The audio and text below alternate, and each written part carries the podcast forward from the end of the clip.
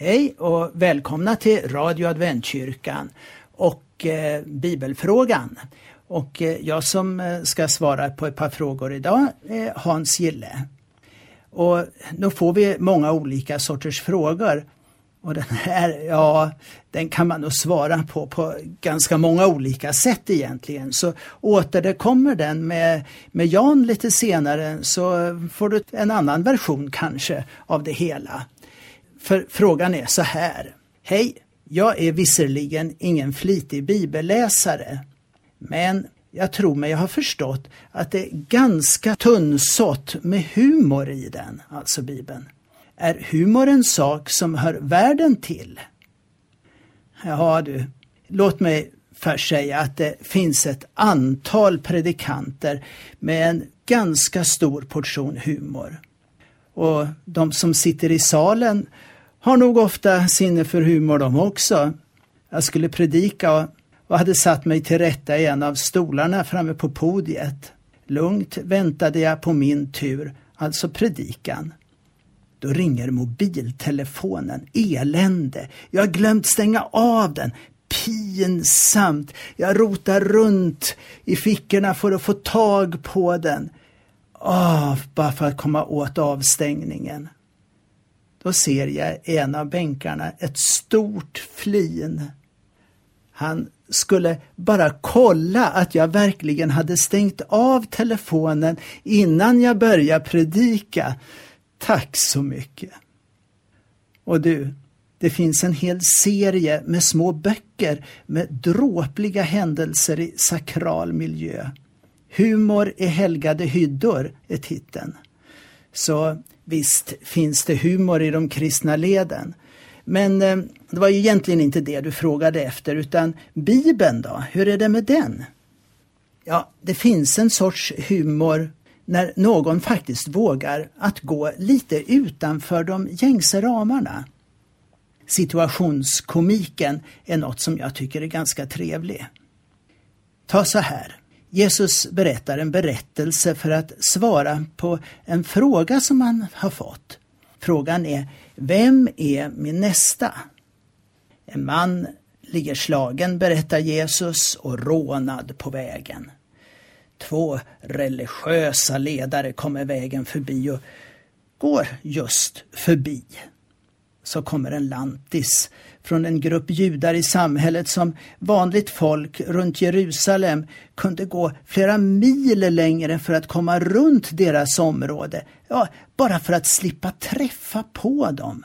Och han, den där avskydde, han stannar och hjälper, tar mannen med till ett hotell och betalar uppehället för honom tills han kan gå vidare alldeles själv på egen maskin.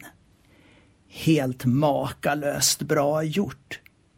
Så frågar Jesus den laglärde mannen som hade ställt frågan, vem är den mannens nästa? Och hur ska den laglärde svara? Ja, det blir lite komiskt. Han kan ju inte ens ta ordet samarier i sin mun, utan han måste säga den som visade honom barmhärtighet. Jag kan se hur folk omkring drar på smilbanden, åtminstone jag. Det blir lite lustigt när någon håller på sin värdighet så otroligt mycket. Och så har vi Paulus, och han var ju lite som Luther.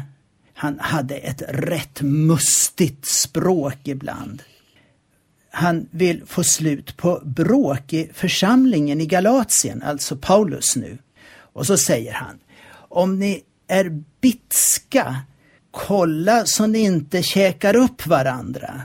Eller det står ju kanske så här, Galaterna 5 och 15, jag tar folkbibeln.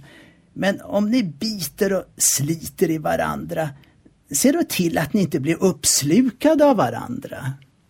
Eller när han förklarar varför den judiska omskärelsen inte gäller för de hedna kristna blir han riktigt i gasen.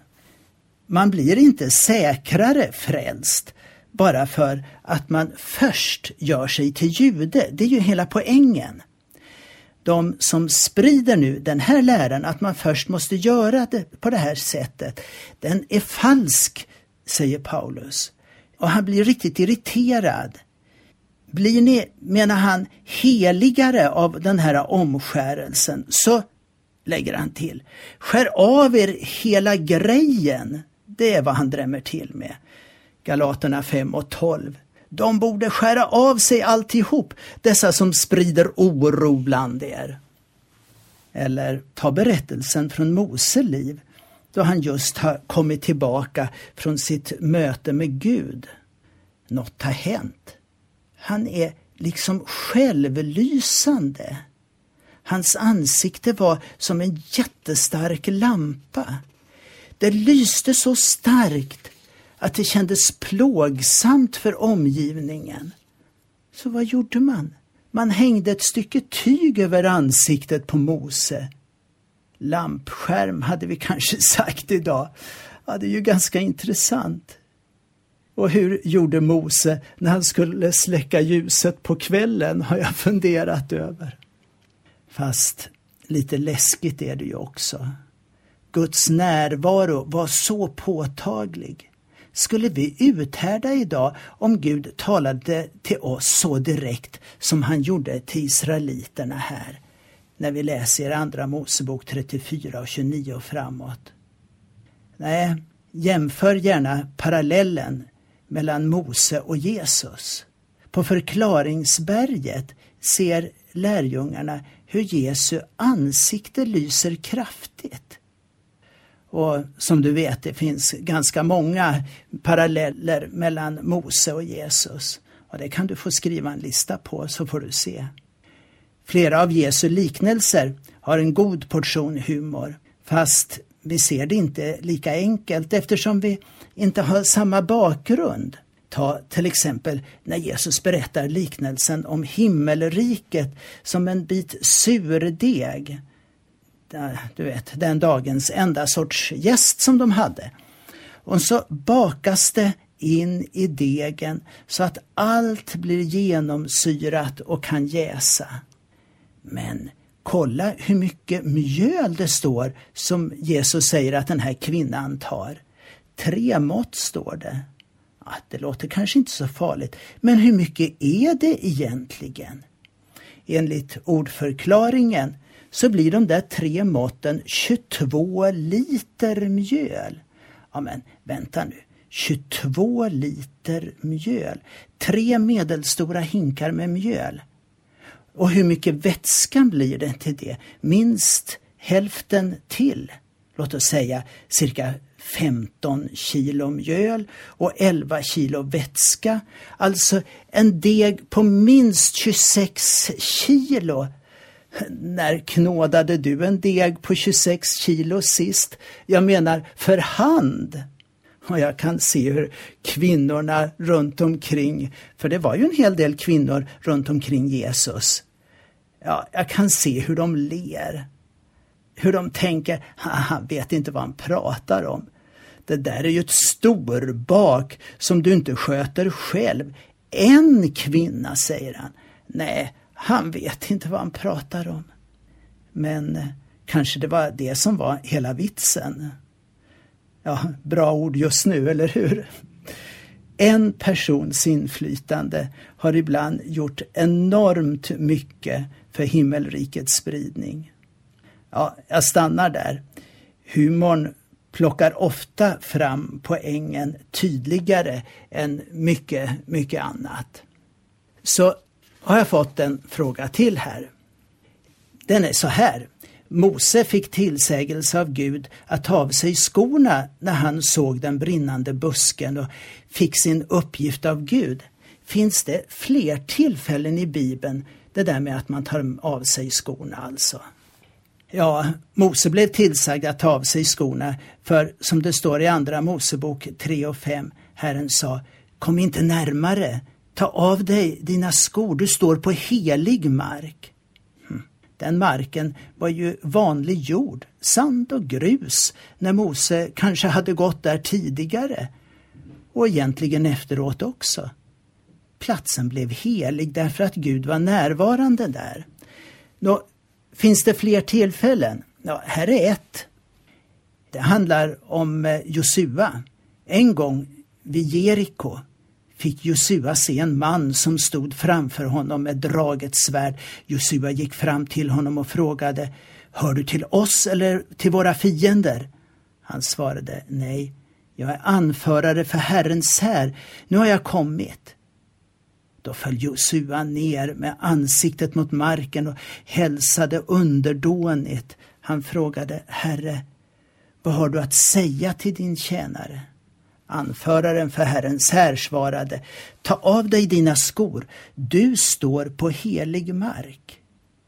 Josua gjorde så. Ni vet, Josua hade tagit över efter Mose. Intressant att något liknande hände honom nu. Gud talade om med andra ord att han skulle vara med Josua som han en gång hade varit med Mose. Det här med att ta av sig skorna, eller sandalerna, det var en akt av vördnad och ibland av sorg.